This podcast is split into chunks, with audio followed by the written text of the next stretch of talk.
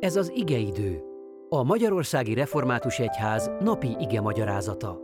A mai bibliai ige szakaszról Sallai Sziki Juditot, a Bodajki Református Gyülekezet lelkipásztorát hallják. Áldás békesség! A mai igét János evangéliumának 12. fejezetéből olvasom, virágvasárnap történetét a 12. verstől a 19. versig.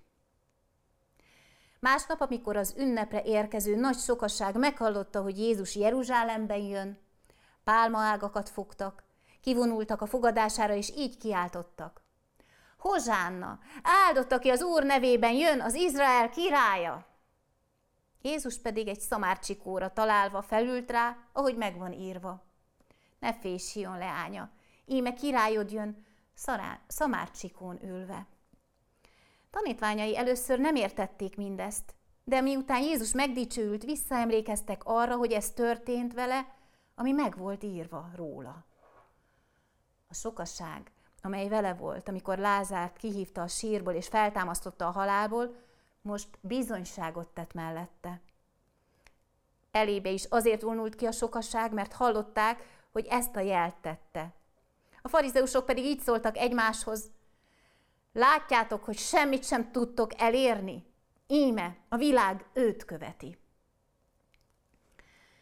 Virágvasárnap története, amelyhez elérkeztünk itt a bőti útunk során, és ahogy a bőti útunk is sok-sok akadályjal és nehézséggel teli, úgy ez a virágvasárnapi történet is hasonló, hiszen a félreértésekről szól. Mennyire könnyen félre lehet érteni Jézust ahogy félreértette ez a nép is. Jézus úton van. Egy nagy utat és egy kis utat látunk ebben a történetben. Az a kis út, ami bevezet Jeruzsálembe, egy szamárcsikó hátán. De az igazi út, a nagy út, az, ami a halálba vezeti Jézust, hogy onnan a feltámadásig jusson. Tehát nekünk is ez a két út van lehetőségképpen. Egy kis út és egy nagy út. Egy kis út, amin félreértések vannak, és amivel félreérthetjük Jézust. Vagy választhatjuk a nagy utat is, ami jelentőségtelibb, de nehezebb is sokkal.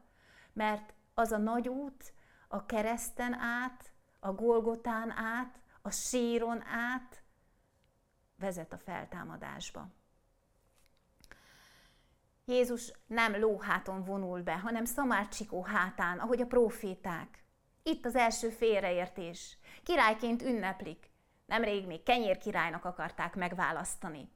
És most is hozsannáznak, hogy íme a király jön. A harcos messiás talán most visszafoglalja a rómaiaktól a birodalmat.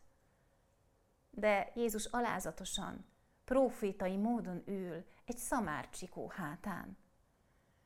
Ő alázatos, és nem haragvó, és nem az, aki kivezet a szenvedésekből, hanem inkább az, aki átvezet rajta minket. A tanítványai sem igazán értik, le is van írva, csak később értették meg. Az ünneplő sokaság sem igazán érti. Sőt, kimondják a végén a farizeusok, íme, a világ őt követi bár igaz lenne minden helyzetben, hogy a világ őt követi. Bár őt követnénk ő, mi is, minden egyes napunkon. Nem a félreértéseken keresztül, hanem a fájdalmas életen keresztül. Mert nincs fájdalommentes élet. De Jézus igent mondott a fájdalomra, a halálra. Ha vele együtt mi is igen tudunk rá mondani, akkor annak a vége a feltámadás a feltámadás és az örök élet. Bíztasson bennünket ez, amikor elkeseredünk az életünk nehézségein, amikor a bőjtben nem látunk kiutat, vagy úgy érezzük elbukunk. Jézus velünk tart, és átvezet rajta. Isten adja, hogy ezt megértsük és meglássuk. Amen.